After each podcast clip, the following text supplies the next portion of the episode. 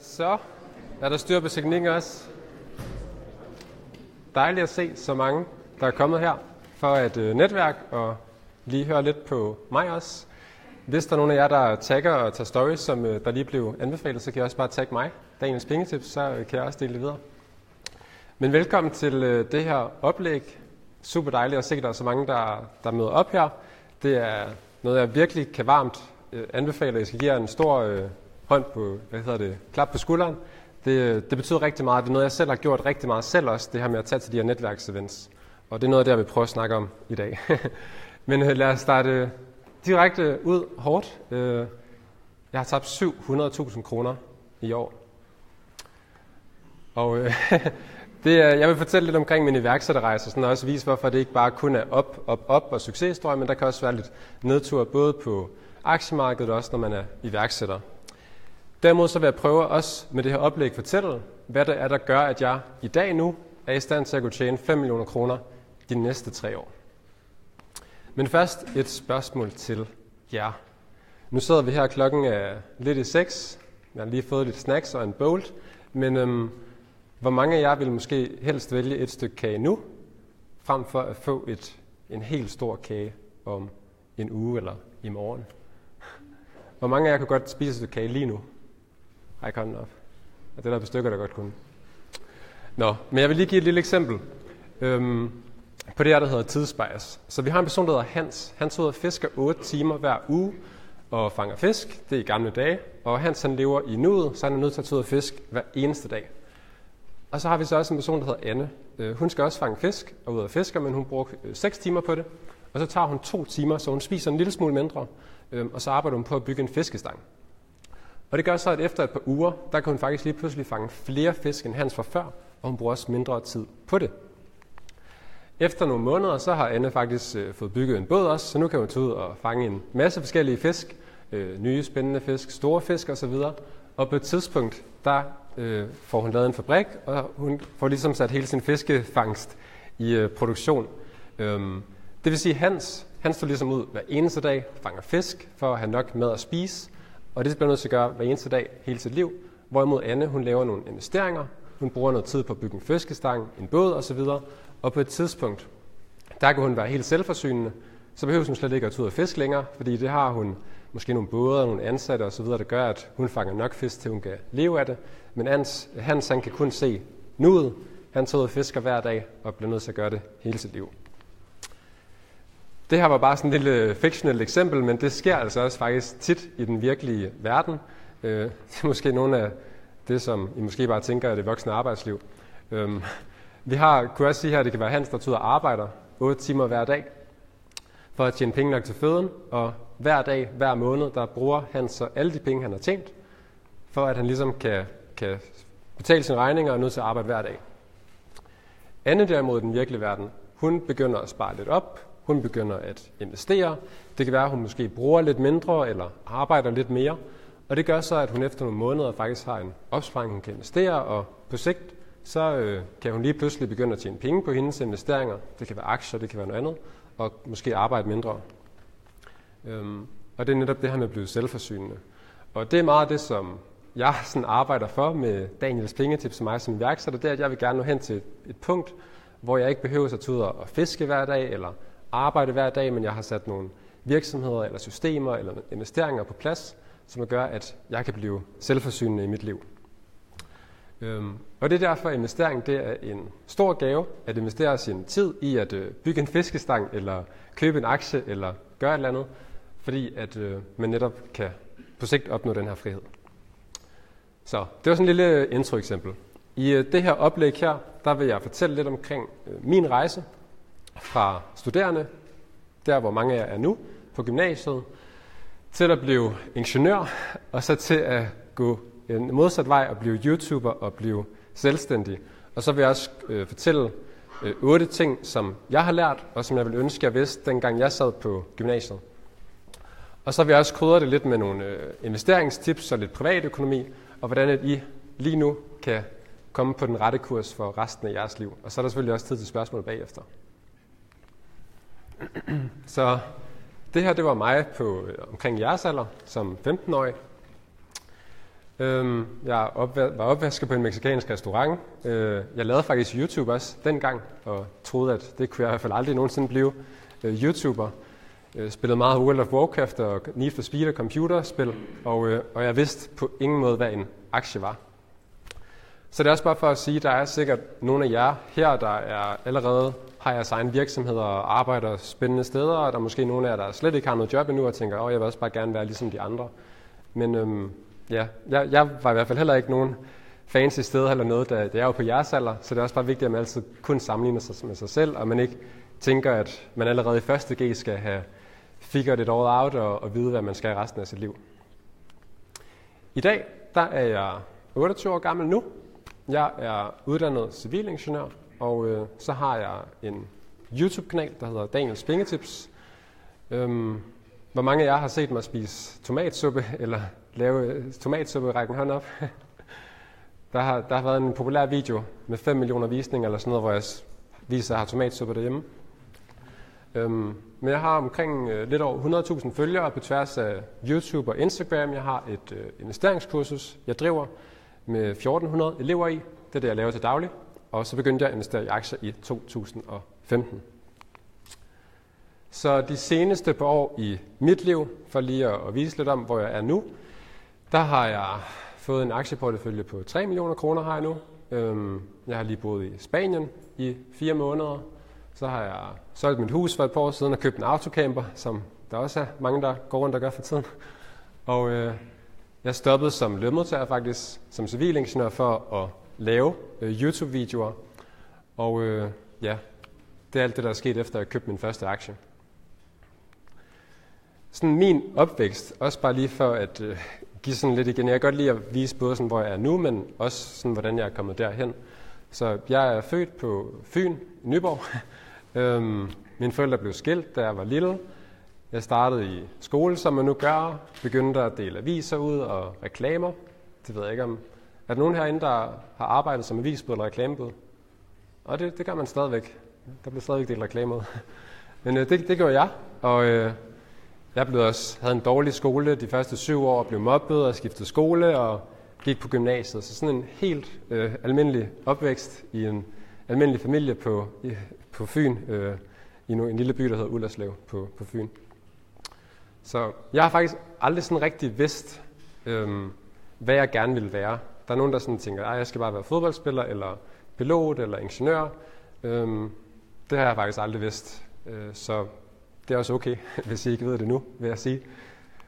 Derimod, så øh, det første af mine øh, sådan otte tips her, det er, at øh, jeg synes, det er meget vigtigt, at man følger sin passion, og følger det, der interesserer en. Hvad end det så er at øh, fiske, eller spille computer, eller male, eller et eller andet, øhm, så tror jeg, at en af de måder, man kan få succes som iværksætter, der vil man bare virkelig følge det, som man er passioneret for, og man brænder for at lave. Og det er det også, som, som jeg har gjort. Øh, jeg valgte at læse matematik-fysik på gymnasiet, fordi jeg godt kunne lide matematik. Så valgte jeg at blive ingeniør, fordi jeg også godt kunne lide alt det tekniske, og så blev jeg YouTuber, fordi jeg kunne også godt lave, lide at lave videoer. Så jeg har egentlig bare sådan fulgt mine interesser og prøvet rigtig mange forskellige ting. Øhm, og jeg tror, ved at man følger det, man er passioneret for, så har man den største chance for succes, fordi det er ligesom noget, man vil lave, uanset om man tjener penge på det, eller det er noget, man ligesom synes, der er spændende at lave, noget, man kan, der kan holde en op hele natten. Så jeg er også opdraget med, at, man, at, at penge, det er noget, man skal ud og tjene. Øhm, de penge, som jeg har investeret osv., det er ikke nogen, jeg har fået eller arvet eller så videre, det er nogen, jeg har tjent fra, at jeg startede som avisbud som 11-årig med min storesøsters, øh, bonusøsters bonussøsters frikort, og så senere som 13-årig fik jeg mit eget frikort og kunne køre med reklamer. Og så blev jeg opvasker og tjener og alle mulige studiejobs, og som I kan se, eller ikke kan se sikkert på LinkedIn her, så har jeg også haft 19 forskellige jobs her i en alder som 28-årig. Så jeg har haft en masse forskellige arbejde og tjent mine penge på rigtig mange forskellige måder. Så tip nummer to, det er også, at man skal ikke være bange for at arbejde, synes jeg. Det kan godt være, at man sidder og tænker sådan, jeg skal bare ud have det her drømmejob, jeg skal arbejde øh, for, for det her firma, og det er bare det eneste, jeg skal. Men det, som jeg så har oplevet, det er tit, at det ene job sådan fører til det næste. Så da jeg var avisbud, så blev jeg reklamebud, og fordi jeg havde den erfaring, kunne jeg blive opvasker, og så kunne jeg blive tjener, og så senere hen er faktisk også det job, jeg har haft som ingeniør, det var også nogle, der kom af de studiejobs, jeg havde tidligere, så dem har jeg faktisk ikke selv søgt på noget tidspunkt. Øh, de to jobs, jeg havde som civilingeniør også. Så det hele har ligesom bare sådan bygget oven på hinanden. Så der tror jeg bare, det er vigtigt, at man husker at starte et sted, og ikke nødvendigvis fastlåse sig på målet, men, men hele tiden ser det som en, en lang rejse med et trin ad gangen. I er nemlig alle sammen unge. I har øh, masser af tid. I har rigtig, rigtig mange øh, år til at øh, opnå alt muligt og arbejde og tjene en masse penge. Og øh, tid, det er vores allervigtigste og vores dyrebareste ressource. Det er det eneste, som vi hele tiden kun får mindre og mindre af. Penge og alt sådan noget, det skal I nok få masser af og tjene flere og flere penge, men øh, tid, det går ligesom den modsatte vej, det får vi kun mindre og mindre af. Så det er rigtig vigtigt, at I bruger den fornuftigt, og for eksempel bruger den på at, at tage til sådan et oplæg som i dag. Måske er der også nogle af jer, der sidder og tænker sådan, skal man tage en traditionel uddannelse, gymnasie, universitet osv., eller skal man droppe ud for at øh, forfølge sin iværksætterdrøm og gå all in på sin virksomhed, fordi det har man set, at det er der nogle andre, der har gjort. Det kan jeg ikke sige øh, til jer, hvad I skal gøre. Jeg har selv gået i skole i 18 år i streg. Jeg har ikke holdt nogen sabbatår. Øh, jeg blev også færdig som civilingeniør som øh, 23-årig. Øh, men jeg vil faktisk ikke gøre noget om i dag, selvom jeg ikke arbejder som civilingeniør. Fordi alt det, som, som jeg har lavet, det har ligesom været små trin på vejen. Øhm, en ting er, at man som øh, på universitetet lærer faglige fag, men jeg har faktisk også lavet rigtig meget iværksætteri øh, på min rejse som civilingeniør. Jeg deltog i det, der hedder Nordic Independent Living Challenge i et år, hvor vi gik videre mange gange, og mit hold her arbejdede på et projekt i over et år, og rejste rundt til alle mulige lande i Europa, og fik en masse erfaring med business, øh, forretningsmodeller, business model canvas osv., øh, selvom jeg læste ingeniør. Så har jeg også vundet noget, der hedder Health Tech Innovators, som var en øh, iværksætterkonkurrence ude på øh, Syddansk Universitet i Odense, hvor, hvor jeg har læst. Øh, så har jeg også deltaget i Venture Cup, som I måske kender. Jeg har været del af SDU Talentprogram, og jeg har været med i noget, der hedder Demola også. Så faktisk i hele min øh, ingeniørkarriere, så læste jeg selvfølgelig alle fagene osv., men jeg brugte rigtig meget tid på at gøre noget som det her. Tag til de her events, øh, deltage i iværksætterkonkurrencer. Og der har jeg mødt rigtig mange af alle mine bedste venner, jeg har i dag.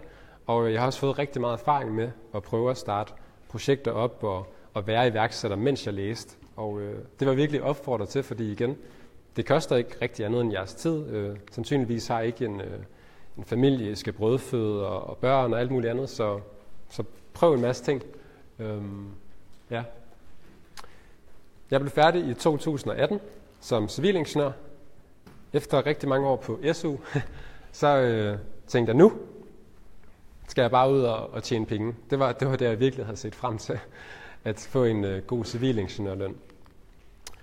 Jeg arbejdede også som civilingeniør i det her traditionelle lønmodtagerjob. Jeg arbejdede faktisk også i øh, startups. Øhm, så første virksomhed var jeg den 8. ansatte, og i anden virksomhed, der var jeg ansatte nummer 25 cirka.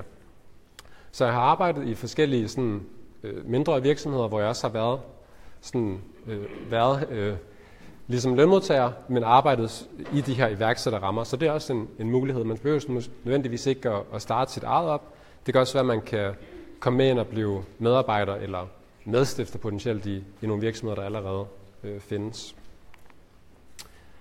Men selvom jeg arbejdede i de her iværksættervirksomheder, der var mindre virksomheder, der, der voksede rigtig meget, så følte jeg mig selv ret fanget i det her med, at jeg skulle stå op klokken 7 hver morgen og bruge en time ind på arbejdet og arbejde i 8 timer og til hjem og ikke rigtig havde så meget energi til at træne og være sammen med familien og, og alle de ting, øh, som jeg gerne ville.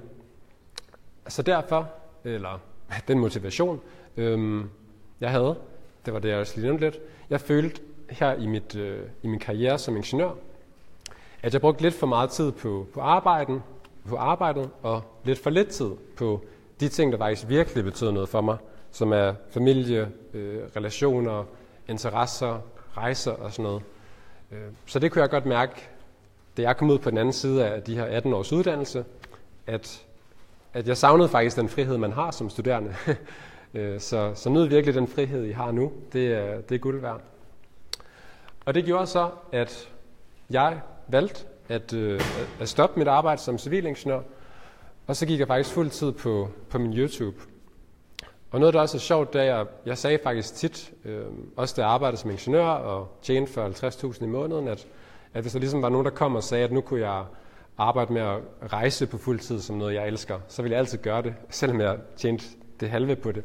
Øhm, og det tror jeg også bare er rigtig vigtigt, at man ikke sådan gør tingene for pengenes skyld, øhm, men man ligesom netop følger sine interesser, følger sine passioner, følger det, at man kan mærke, at der føles rigtigt i maven, når man ikke øh, gør det for pengenes skyld, fordi øh, så er det i hvert fald lang tid at arbejde 50 år med noget, som man måske ikke rigtig brænder for. Det kunne jeg allerede mærke efter to og et halvt år, at, at det var måske ikke helt det, som der harmonerede med, med mine værdier. Yes. Jeg har også øh, fejlet rigtig mange gange på min, øh, min rejse her som iværksætter. Jeg har øh, startet med at lave YouTube-videoer i 2010. Der, faktisk der, på det billede der, øh, som I så i starten, der begyndte jeg at lave YouTube-videoer. Øhm, jeg havde, dengang hed min YouTube-kanal ikke Daniels Pengetips, den hed øh, Fitness and Health eller sådan noget, og har haft mange forskellige navne, og jeg har lavet træningsvideoer og øh, rejsevideoer og madlavningsvideoer, så I kan også gå ind på YouTube og se en video med mig, hvor jeg viser, hvordan man laver hjemmelavede mælkesnitter eller øh, donuts øh, og mange andre ting. Men jeg tror også, det er rigtig vigtigt, at man ikke ser det her som en fejltagelse, fordi jeg fik aldrig rigtig mange visninger på de her øh, videoer, og der er sikkert heller ikke nogen af jer, der nogensinde har hørt eller set dem, men jeg arbejdede rigtig mange år med at lave de øh, videoer. Men jeg tror bare, det er rigtig vigtigt, at man tør at tage de her chancer her, og at man ikke ser det som fejl, men at man ser det som en læring. Øh, som et kendt citat også siger, either you win øh, or you learn. Så i stedet for, at du, øh, jeg ser, at hvis din virksomhed ikke bliver til noget, så tag alt det, du har lært fra, og måske ikke starte din virksomhed, eller, eller, eller en virksomhed, der ikke fik succes, eller en YouTube-kanal, der ikke fik succes, så se det som ligesom et step på vejen til, at du er bedre stillet næste gang, du prøver. Så jeg føler, at det alle sammen har været en succes, fordi jeg har haft det sjovt med det. Jeg har nyt at lave det, øhm, og jeg er blevet meget bedre til at være foran et kamera og lave YouTube-videoer og alle sådan nogle ting. Øhm, så det er alle de her failede, eller alle de her kanaler, der aldrig rigtig blev sådan noget, som har gjort, at jeg så senere hen kunne lave øh, Daniels Pengetips, som er det, jeg laver i dag, blandt andet YouTube-kanalen. Øh, der er 128.000, der har set, hvordan man laver en Nordens månedsopsparing, øh, som er nok min mest sete video pt. på den kanal. Og den ville ikke eksistere, hvis det ikke var for alle de andre kanaler, der aldrig blev til noget. Den første dag på den her kanal, der øh, fik jeg 10 visninger, da jeg lavede. Øh, det er faktisk en af mine, sjovt nok en af mine mest populære videoer i dag. Øh, min første aktievideo med, hvordan man, øh, sådan tre vigtige ting, inden man køber en aktie. Øh, der var ikke 10 mennesker, der så den den første dag. Der var 10 visninger på hele min kanal med, med hundredvis af videoer den første dag, jeg lagde den ud. Og, øh, og så er det ellers bare vokset. Så det er mit femte tip, og det som der tror jeg virkelig var afgørende for min øh, YouTube-succes, det var ikke så meget, at jeg lavede pengetips eller madvideoer, men det der skete her, hvor at det virkelig begyndte at stikke af, det var før tomatsuppen, øh, det var, at jeg gik all in på, øh, på det her med YouTube. Øh, efter jeg stoppede som at arbejde som ingeniør, så sagde jeg til mig selv, øh, nu får jeg en måned, eller jeg giver mig selv en måned, til at prøve at se, om, øh, om jeg synes, det er sjovt at lave YouTube på fuld tid. Og hvis jeg ikke synes, det var sjovt, kunne jeg jo prøve noget andet, få et nyt job som ingeniør. Øhm, ja, det var ligesom det værste, der kunne ske, at jeg gik tilbage til det, jeg havde før. Så jeg gav mig selv en måned til at lave YouTube, og øh, jeg elskede det. Jeg kunne næsten ikke gå i seng om aftenen, og vågnede tidligere om morgenen og sprang ud og lavede masser af nye YouTube-videoer. Øhm, så hvis der er noget, I virkelig brænder for, så, øh, så prøv nogle gange at måske give det en chance og prøv at se. Det gør en kæmpe forskel at gå fra, at det er en, en lille hobby til, nu bruger man al sin energi på det. Og det behøver ikke at være, at man dropper sin uddannelse for at gøre det. Det kan også være, at man gør det måske et sabbatår, eller gør det efter sin uddannelse, eller gør det i en sommerferie. Oh. Yes. Lad os sætte tiden ud. Nå. Er der nogen af jer, der investerer i aktier herinde? Må se. Oh, ja. Sådan. Det er de fleste, tror jeg. Jeg begyndte også at investere i 2015. Og mine investeringer, det hænger faktisk rigtig meget sammen med min iværksætterrejse også. Både fordi, at det, jeg jo laver som iværksætter, det handler om investeringer. Jeg laver YouTube-videoer på Daniels Pengetips, så jeg har et investeringskursus. Men det var faktisk også mine investeringer og min økonomi, der gjorde, at jeg kunne sådan springe ud som iværksætter og begynde at lave YouTube og give mig selv en måned, hvor jeg gjorde det, fordi jeg netop havde en god opsparing, og jeg ikke behøvede så at tjene nogle penge i en måned. Det kunne jeg sagtens undvære. Øhm, og der var også nogle af jer, der ikke investerer. Det, det øh, forstår jeg også godt. Jeg startede selv som, først som 20-årig, og i gennemsnit her i Danmark starter vi først som 50-årige med at investere. Men øhm, ja, også bare lige for at sige, at jeg har ikke haft nogen sådan rig onkel eller morfar, eller mine forældre har heller ikke investeret, og jeg har ikke øh, startet heller ikke med nogen investeringsstrategi eller særlig meget viden, og jeg startede også bare med at investere, da jeg, ligesom jeg var studerende, for de penge, som jeg selv havde tjent. Øhm, så alle kan komme i gang med at investere. Alle kan også komme i gang med at være iværksætter. Det kræver ikke en masse forudsætninger. Man kan altid starte med de her ting derhjemme. Så grunden til, at jeg sådan kunne springe ud som iværksætter, det var netop fordi, at jeg ikke var gået i den her fælde. Øhm, og det håber jeg er en af de ting, I kan tage med her, måske tage et, et billede af den her slide her. Eller sådan. Der er rigtig mange, som der, når de sådan går fra at have været på SU i mange år, og så lige pludselig tjener en god løn, og så tænker de også, at nu skal de også ud og bruge alle de penge. Øh, det er man selvfølgelig også frit stillet til. Det er det, man kan kalde livsstilsinflation. Så når ens indtægt stiger, så stiger ens forbrug også. Og det gør jo så desværre, at man aldrig rigtig får noget overskud til at spare op eller til at investere. Og det var jeg heldigvis ikke gået i den fælde. Jeg levede faktisk ret meget som studerende, efter jeg var færdig som ingeniør. Øhm, og det gjorde, at min opsparing også sideløbende bare blev større og større og større. Og fordi jeg så havde en opsparing, jamen så kunne jeg netop tage den chance øh, og springe ud som iværksætter efter nogle år på arbejdsmarkedet som ingeniør, fordi jeg havde sørget for at have en god privatøkonomi, der gjorde, at jeg kunne betale min husleje og, og mad på bordet osv., også selvom jeg ikke tjente penge på, på YouTube. Øhm, og, og der gik også mange måneder, før jeg tjente penge på YouTube. Jeg tror, de første fire måneder, øh, cirka på fuld tid, der, der tjente jeg slet ikke nogen penge på YouTube. Og så tjente jeg 4.000 den første måned.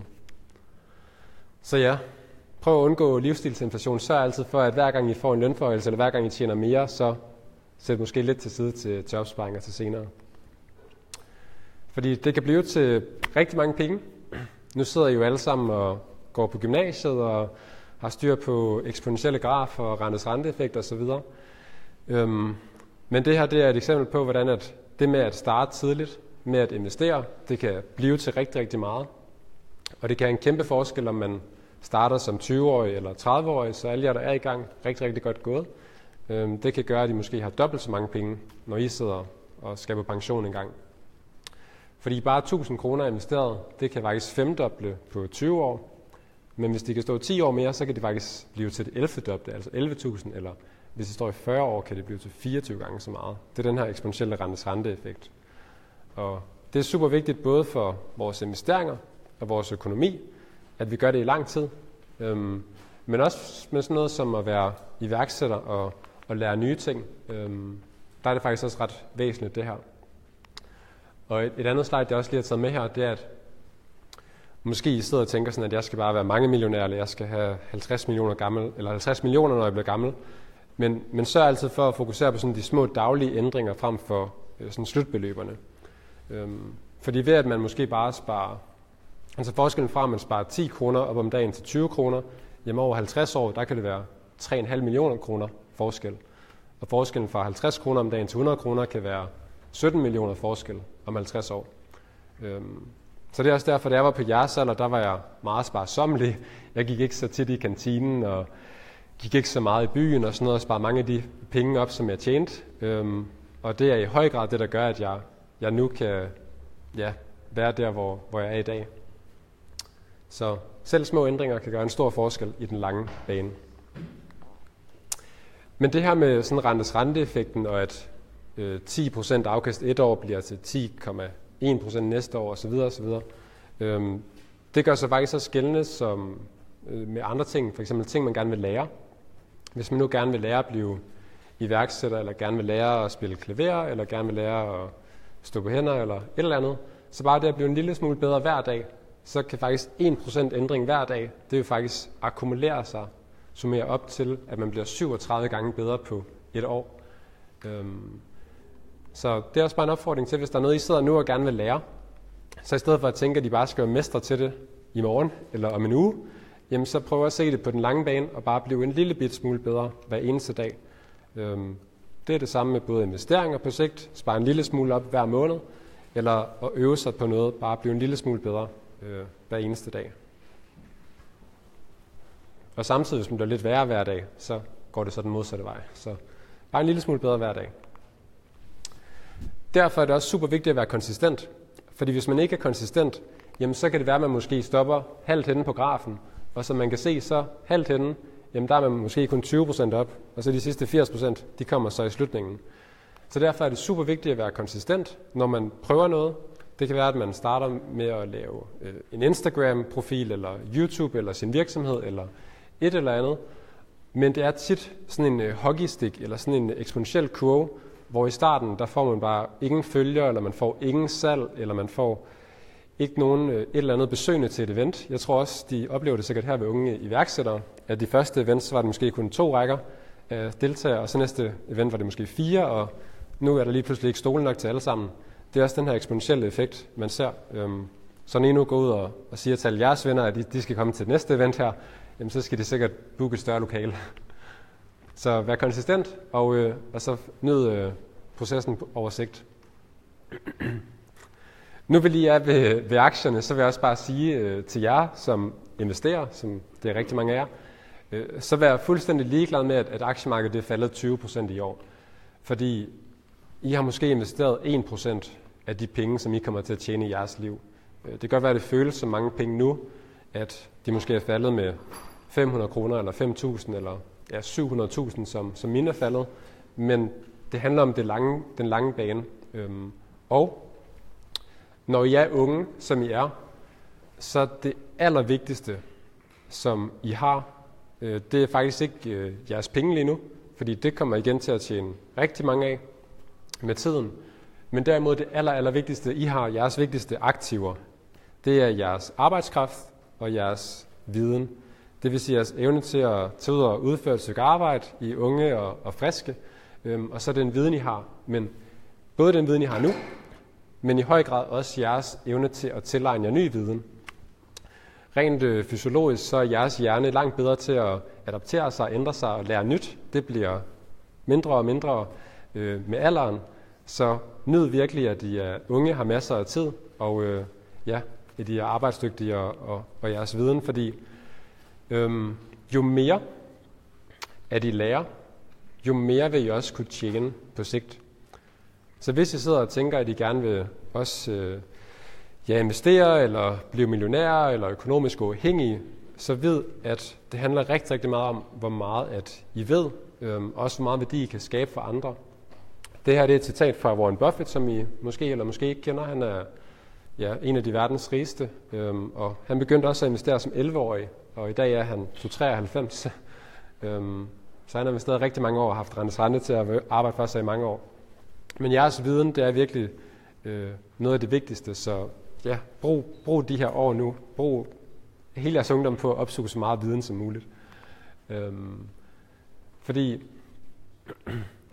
hvis jeg sådan skal fortælle lidt omkring, hvad der har været øh, min bedste investering, så føler jeg faktisk, at det har, det har ikke været sådan, øh, det hus, jeg solgte, eller min Tesla-aktie, jeg købte i 2015, eller så videre, så videre. Øh, derimod så føler jeg faktisk, at min bedste investering, det har været øh, investering i min øh, viden. Altså investering i at uddanne mig selv. Øh, først som civilingeniør.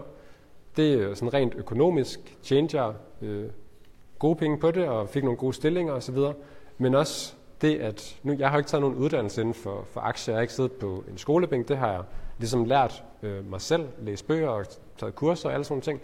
Øhm, så det her med, at jeg ligesom har taget tid til at sætte mig ned i 2015 og læse øh, børshandelens psykologi, øh, for derefter at købe min første Novo Nordisk aktie, øh, for derefter at sidde, øh, jeg sad hele tiden øh, og så en masse YouTube derhjemme om aftenen, så ham her Graham Stephan på YouTube, og, og han inspirerede faktisk mig til at øh, komme i gang med YouTube, fordi han fortalte også historier om, hvordan at han var generet og ikke troede, at han kunne blive YouTube og alt sådan noget. Præcis ligesom jeg havde det, øh, og stadigvæk kan have det i dag. Øhm, men så tænkte jeg, det, det prøver jeg, og så fik jeg 10 visninger den første dag.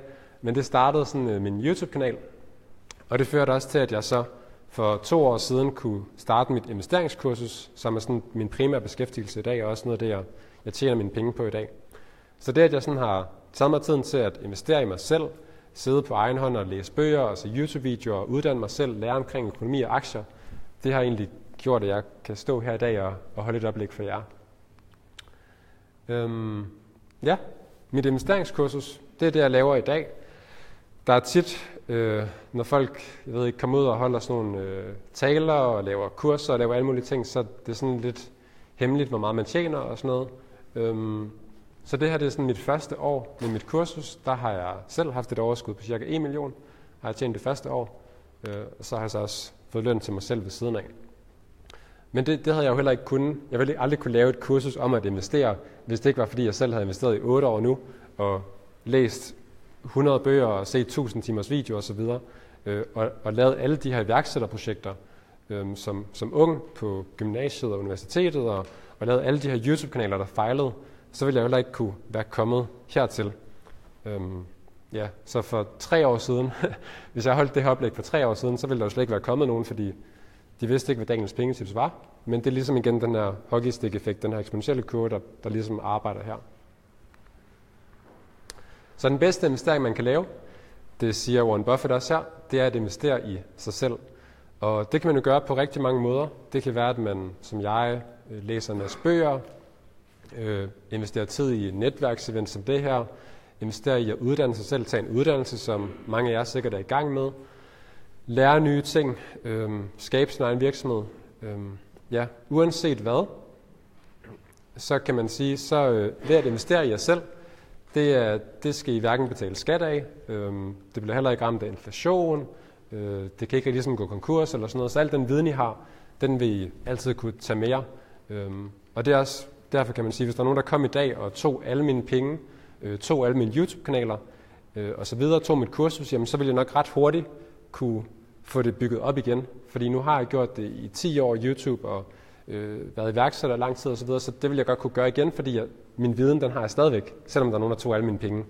Så det er, det er nok det vigtigste, man kan investere i. Det er ligesom at investere i sig selv. Øh, det er ens vigtigste aktiv. Øh, det er en selv. Så udover at man skal, skal lægge et budget, det er super vigtigt. Og som jeg viste før, ikke gå i livsstilsinflation, aldrig bruge flere penge, man tjener osv.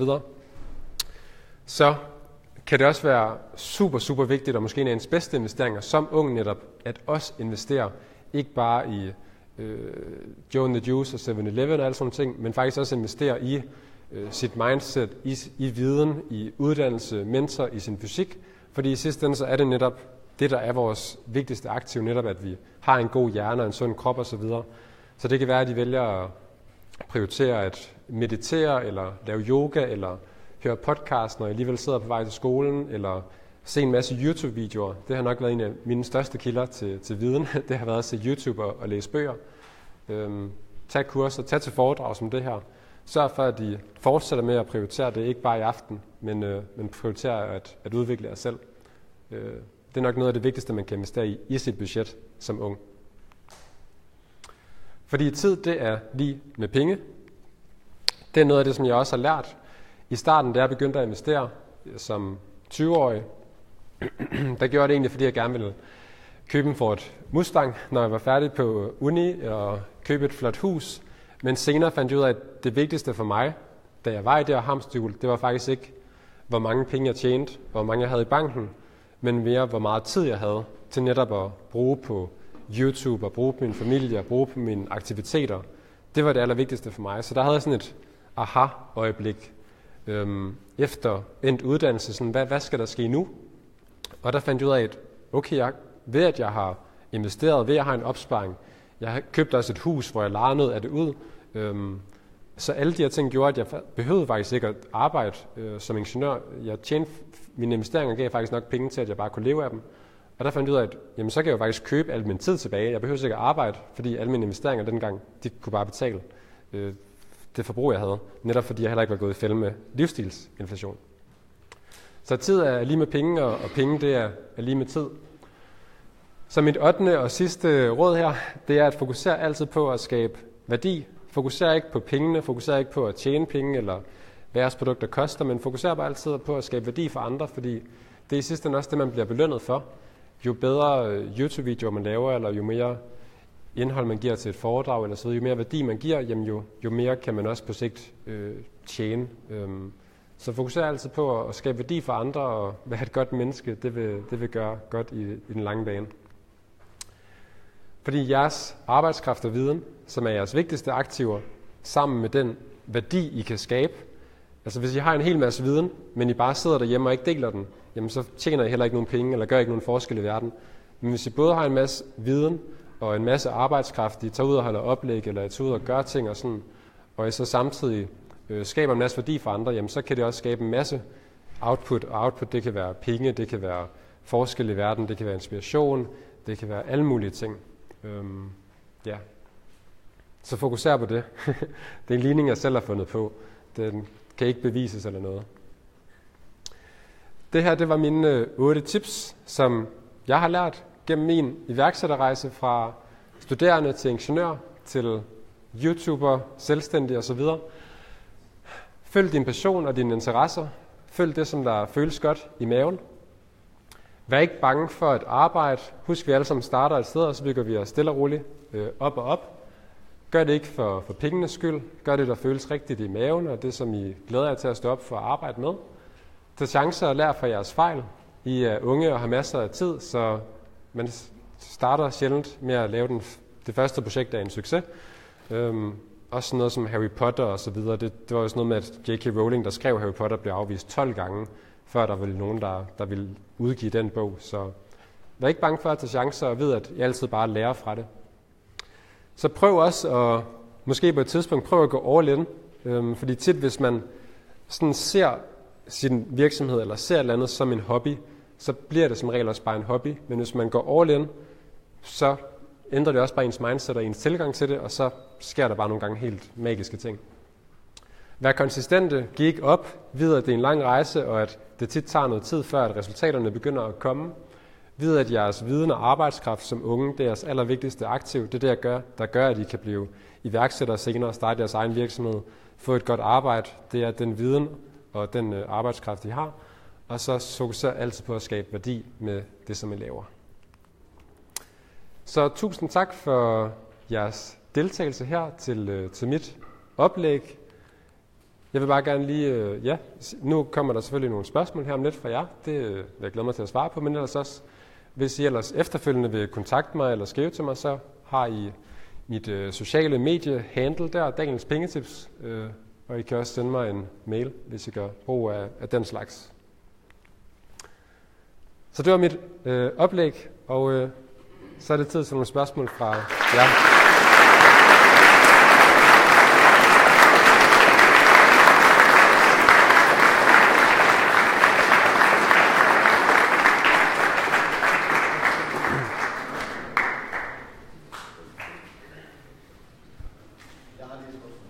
Yes.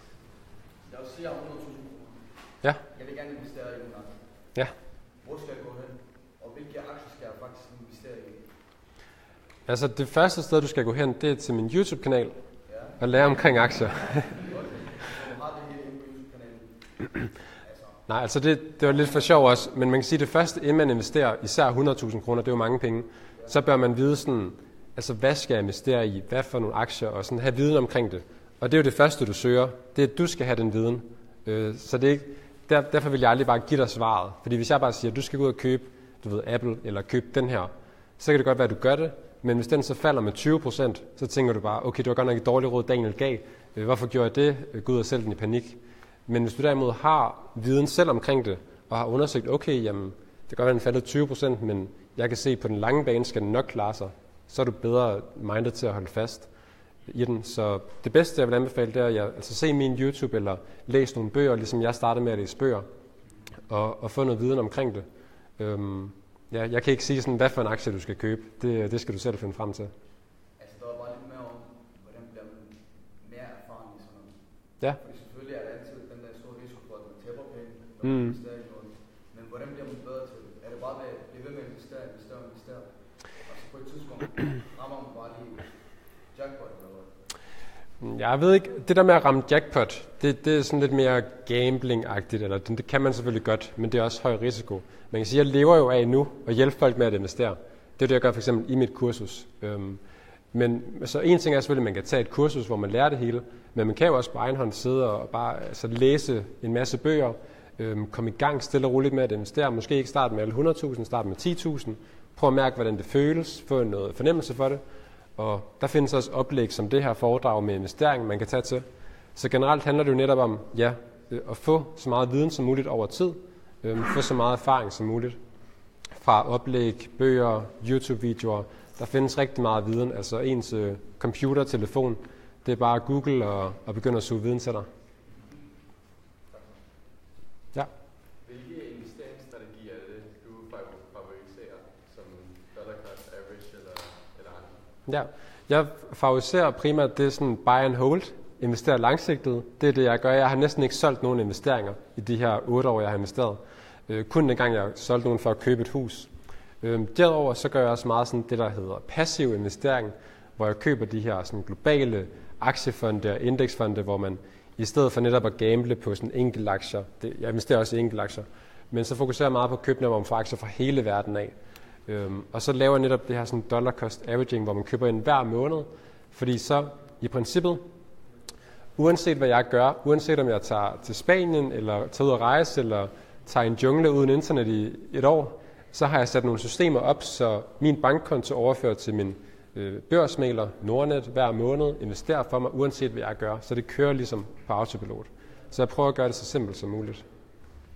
Ja. Når du investerer, investerer du så kun low risk, eller for eksempel sætter mindre penge i noget, der er lidt mere risikobetonede? Jeg investerer øh, ikke low risk overhovedet faktisk. Jeg investerer meget høj risiko. Øhm, man kan også se hele min, øh, faktisk hvis man går ind på min YouTube-kanal, der delte jeg en video for et par dage siden, der kan man se alle de aktier, jeg har.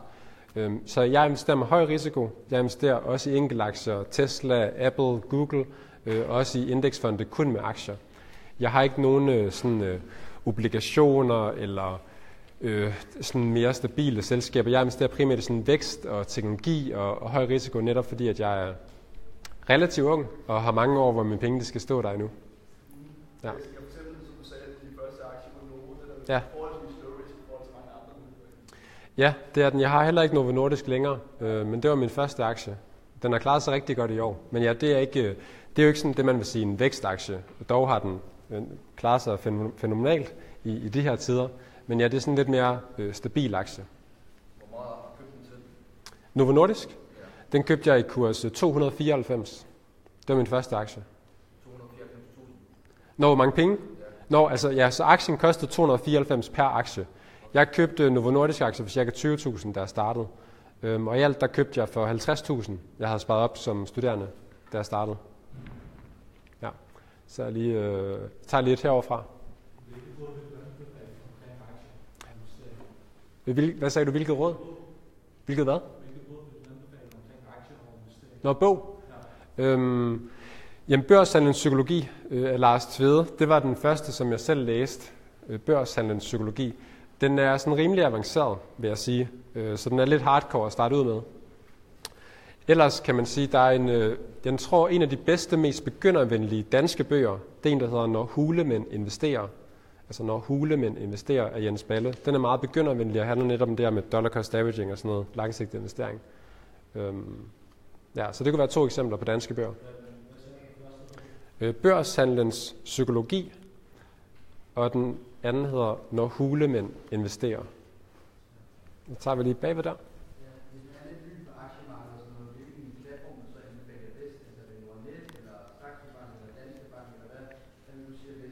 Ja, altså det er jo en smagssag. Sådan, øhm, de har fordele og ulemper hver især. Øh, Nordnet, eller Nordnet, er den øh, mest populære, øh, mest brugte her i Danmark. Det er også den, jeg selv bruger. Den er meget begyndervenlig. Øhm, Saxo kan godt virke lidt mere øh, avanceret. De har også flere forskellige produkter. Og også dem, der bruger den begyndervenlige, siger også nogle gange, at den er sådan lidt mere kompliceret. Men, men de har forskellige fordele og ulemper, de to. Jeg vil sige umiddelbart, så ja, Nordnet eller Saxo Bank, det vil nok være et af sådan, de foretrukne valg. Øhm, bankerne de er typisk lidt mere old school og har også som regel højere omkostninger.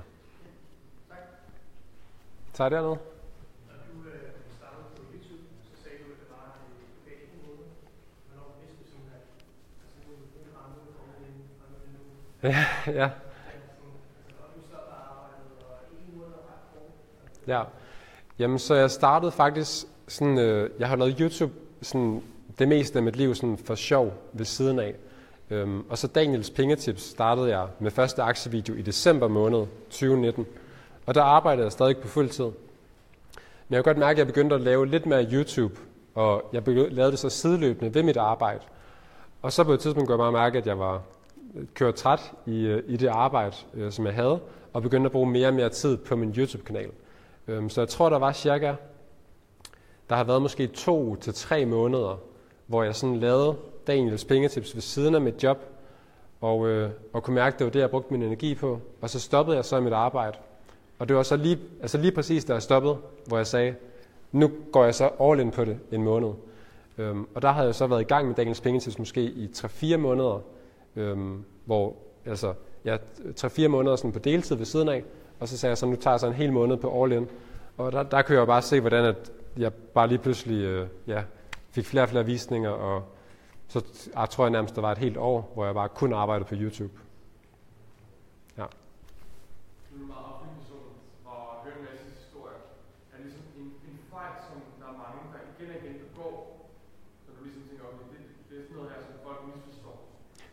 Altså på aktiemarkedet, eller hvilken så kontekst? Du, du tænker, at hele universet har investeringer videre. Mm. Er det ikke sådan en fejl, som du tænker, okay, det er rigtig, rigtig mange, der begår, og det er billigt ligesom, at lade være med det. Og nu hører vi for eksempel om, at nogen der er svært ved at finde de rigtige aktier, så smider man det i en eller anden, og så den med, at nu, nu faldt det 20 så du sælger, og så stiger det igen. Mm. Er det en eller de fejl, du tænker, det, det, det burde man stoppe med noget før? Ja. Jeg tror noget af det, jeg tit oplever, det er, at når man sådan starter, at man øh, spreder sig ud over alt for meget.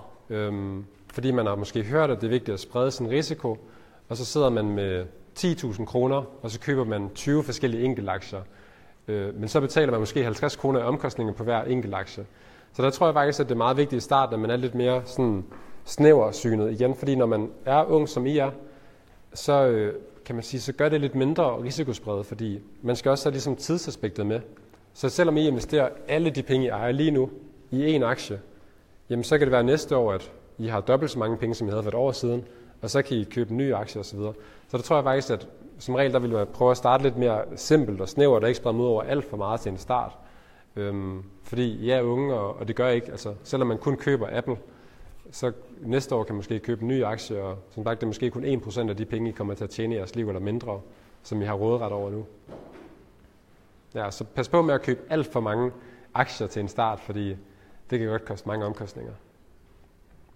Ja. Er der nogle, øh, nogle aktier, du kunne anbefale, at man går hjem og læser op på?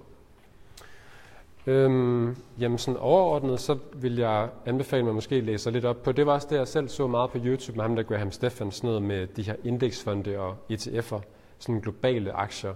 Øhm, fordi jeg havde kun investeret enkelt aktier selv, til en start Novo Nordisk, Apple osv., og det gik sådan okay, men jeg har ikke selv sådan analyseret dem. Øhm, og da jeg så fandt ud af, at man kunne købe de her indeksfonde og ETF'er, som er ret populære der, i dag, øhm, så fandt jeg ud af, at det er meget mere simpelt at investere på den her måde. Så det tror jeg er en, øh, er en god idé. Og så ellers, hvis der er nogle firmaer, man interesserer sig for, Apple eller Novo Nordisk, så prøv at ja, begynde at nærstudere dem lidt, og måske kigge lidt i deres regnskaber og sådan noget. Det bliver hurtigt lidt mere teknisk, men øh, hvis man er til den slags, så kan man også altid prøve at kigge på nogle af de yndlingsbrands, man sådan har rundt omkring sig. Hmm? Øh, helt ned bagved først, og så foran bagved. Der, ja dig. Ja. Øh, tre eller fire især, du går efter i ejer Apple. Øh, Øh, hvad siger du? Ja, Jamen det kommer jo an på, kan man sige, hvor lang tid man skal leve af sine penge. Øh, Så det, der bliver henvist til her, det er, at der er sådan et øh, studie, der har vist, i forhold til, hvor mange penge man skal have, før man sådan kan leve af dem resten af sit liv. Og der siger man, at man har nok penge, når man har en formue, hvor man kan leve af 4% af den formue om året. Så man kan også sige omvendt, at ens årlige omkostninger skal man gange med 25 for at finde sin formue. Øhm, men det er jo lavet i USA, netop på en 30-års tidsinterval. Så hvis jeg skulle være økonomisk uafhængig som 30-årig, hvilket er mit mål, jamen så er det nok måske 2% eller 2,5% eller sådan noget. Øhm, hvorimod hvis jeg skulle være økonomisk uafhængig som 40-årig eller 50-årig, så kunne det godt være, at 3% var nok. Og hvis det først var, når jeg var, altså ved folkepensionsalderen, jamen så ville 4% jo nok øh, kunne slå sig an. Ja? Så lad os sige, at du er 30 år, du har 3 millioner, hvad vil du, vil du, altså ved du, det er meget specifikt og meget konkret, hvad finansierer du så på på i Danmark? Hvad, hvad jeg fokuserer på? Hvad? Hvis du har 3 millioner på porteføljen, Ja. i indeks, Ja. og du bor i Danmark, Ja. Som 30-årig? Altså hvis man har 3 millioner, så skal man jo leve ret billigt, for at man kan være økonomisk uafhængig af det i hvert fald. Øhm, så, så ja, jeg vil nok gå med sådan noget med 2,4 procent eller sådan noget cirka. Altså cirka 40 gange sine årlige udgifter mindst. Ja ved godt, det er sådan et indeks, så det Ja. er 2,4 Ja, 2,4. Der findes faktisk nogle, nogle sjove beregner online, hvor man kan gå ind og, og kigge på historikken, og hvor der kommer nogle grafer, og så viser, hvor du kan indtaste dine eksakte beløber, og så se, hvilke procenter, øhm, hvad, hvad, vil, hvad vil ligesom have hvilken succes. Så hvis du prøver at søge sådan en Trinity Study Online Calculator, så kommer der sådan nogle ret lidt nørdede øhm, regneark, hvor man kan indsætte sine værdier, og så faktisk prøve at se det. Hvilken, Jamen det er egentlig bare det globale aktiemarked. Så selvfølgelig, de her beregner tager som regel ikke højde for danske skatteforhold, øh, selvfølgelig. Men der kan man alligevel få det sådan på et overordnet plan, få en idé om det. Øh, ja, her er den lyseblå trøje. Ja. Øh, jamen, en af dem, jeg har læst en del gange, også da jeg var øh, ingeniør, det er en, der hedder øh, 66 Strategies to, uh, jeg tror, hvad hedder 66 Strategies to Winning in Life, eller sådan noget, how to, uh, ja, mm, 66, ja, den tror jeg, den hedder 66 Strategies to Win in Life, eller sådan noget, eller den dur. Den er skrevet af nogle iværksættere, der har sådan 66 konkrete råd til, hvordan man kan få et, et godt og balanceret liv. Um, ja. Det er en af mine øh, favoritter. Og så bagved der.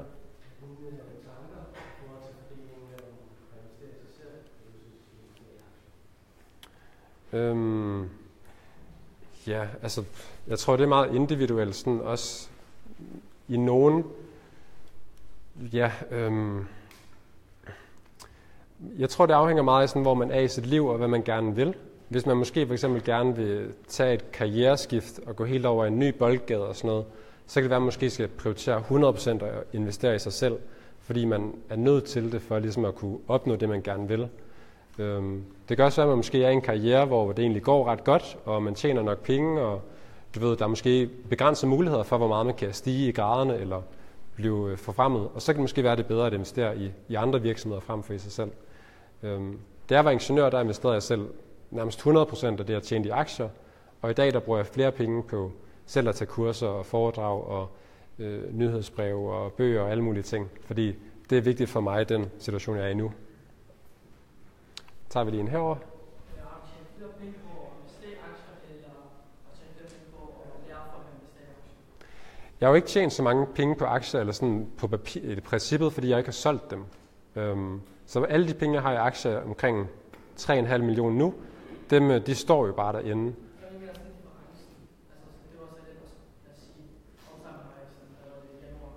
Ja, ja. 22. Ja, så vil det nok være, altså hvis man kigger på sådan all-time high, så tror jeg nok, det vil være cirka det samme. Så jeg tjent cirka det samme øh, lige nu, fordi at jeg som sagt har tabt, øh, de er faldet med 700.000 i år, så har jeg helt sikkert tjent mere på YouTube og på mit kursus og på de andre ting. Ja.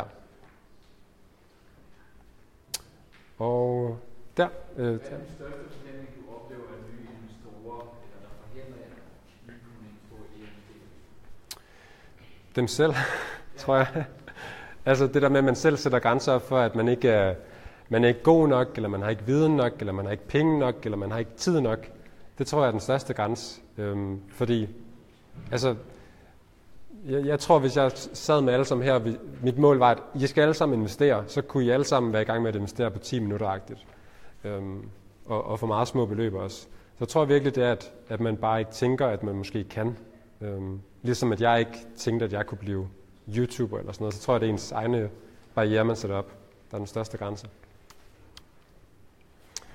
Og så lige vi tager lige her, der er ikke noget første spørgsmål. Da du øh, sprang ud som iværksætter, der havde du en helt fin opsparing siden af, som kunne understøtte dig. Ja. Du også sprang ud som iværksætter, hvis du ikke havde haft det i sikkerhedsnet. Det er jo svært at sige. øhm, jeg tror, at hvis jeg ikke havde haft, man kan sige, jeg var jo netop i den situation, at jeg kunne godt gå fuld tid på YouTube, uden at jeg tjente ikke nogen penge i den periode, fordi at jeg havde penge nok til at kunne betale mine regninger. Hvor man kan sige, at jeg ville jo faktisk ikke, altså jeg ville jo ikke gå gået fuld tid, så ville jeg nok have haft et andet, andet mindset og tænkt, at når jeg skal finde det næste job, eller jeg skal i hvert fald finde noget på deltid, eller jeg bliver nødt til at tjene penge på en eller anden måde. Øh, man kan selvfølgelig også, der er jo dagpenge og kontanthjælp og alt muligt andet.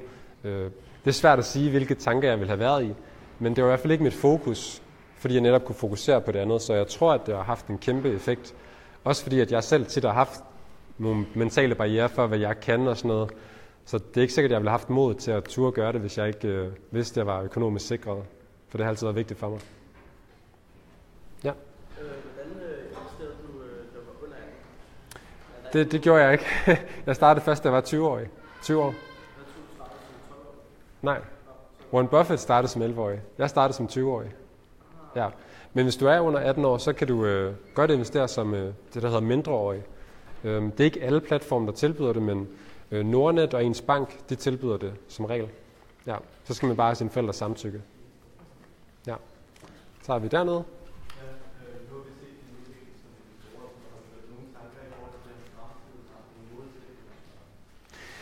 Ja, så min øh, fremtid, jeg er heldigvis i sådan en situation, hvor jeg er ikke sådan økonomisk uafhængig. Jeg har ikke øh, de her penge nok til resten af mit liv.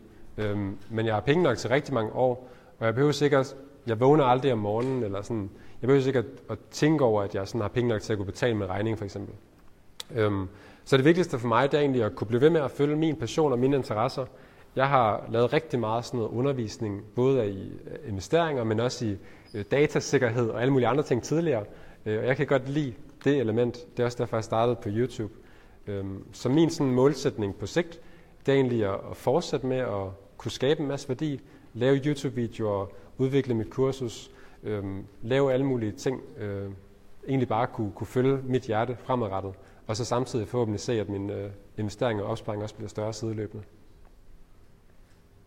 Ja det en målsætning på den lange bane at gå globalt, for eksempel lave kurser for engelsk og YouTube engelsk og så komme længere ud i verden, eller du holder lige der til grænsen? Godt spørgsmål. Øhm, jeg har i lang tid tænkt på YouTube, at jeg gerne vil lave det på engelsk, fordi der er et kæmpe større marked, end der er på dansk. Øhm, men jeg har ikke nogen konkrete planer for det, faktisk. Jeg, jeg tror, det er, man kan sige, det bliver ret hurtigt meget enten øh, abstrakt, fordi man ikke kan snakke om skatteregler og sådan noget, hvis jeg gør det på engelsk, fordi så skal jeg lige pludselig skal det være amerikanske skatteregler, eller engelske skatteregler, eller italienske. Øhm, så skal jeg lige pludselig være en ekspert på en masse andre områder, medmindre jeg hyrer eksperter, og Daniels penge til bliver så stort, at jeg kan ligesom have undergren i det. Øhm, men indtil videre, så er min, altså, jeg har 60.000 følgere på YouTube, og der er stadigvæk kun omkring, jeg tror maks 25% af danskerne, der investerer. Så der er stadigvæk meget potentiale i Danmark. Så jeg tror ikke umiddelbart, at jeg egentlig går uden for landets grænser, før alle i Danmark investerer. ja. Øh, ja. Øh, jeg prøver lige at tage to for nogen, der ikke har stillet et spørgsmål. Så her. De næste 20 år. Uh, det var lang tid. Det er næsten lige så lang tid, som jeg har levet. Øhm, det er et godt spørgsmål. Jeg tror ikke rigtigt, jeg, jeg tror, jeg er svært ved at se, hvor jeg er om, om 20 år. Ligesom for, for tre år siden var jeg civilingeniør, og for to år siden var jeg YouTuber, og nu er jeg øh, kursusejer, eller hvad man kalder det. Øhm, så hvor jeg er om 20 år, det, det ved jeg faktisk ærligt talt ikke. Jeg tror og tænker stadigvæk, at jeg er selvstændig. Jeg kunne forestille mig, at jeg har en, måske en masse forskellige forretninger, måske også forskellige virksomheder, jeg har investeret i, sådan mere personligt. Øhm, og så tænker jeg egentlig bare, at jeg forhåbentlig er en, en god familiefar, og ja, har et, har et dejligt liv med min familie. Lad os tage helt ned bag ved væggen. Ja, øh, spørgsmålet er, hvad tænker du om krypto og Øh, jeg tænker, at teknologierne bag kryptovaluta, blockchain og alt sådan noget, det er noget, der er kommet for at blive. Og hele overgangen til Web 3.0 og alt sådan noget. Vi ser ligesom en udvikling i internettet. Øhm, og jeg tror, at kryptovalutaen og blockchain spiller en kæmpe stor rolle i det. Men jeg tror også, at der er rigtig mange kryptovalutaer eller altcoins, som, øh, som vi ikke kommer til at have om, om 20 år, eller bare 5 år for den sags skyld. Øhm, så jeg investerer selv i, i kryptovalutaer, primært i, i de to store, sådan Bitcoin og, og Ether, eller Ethereum-blockchainen. Øhm, og så holder jeg mig lidt væk fra alle de her sådan meme coins og sådan noget. Var det to spørgsmål? Det var det. Ja.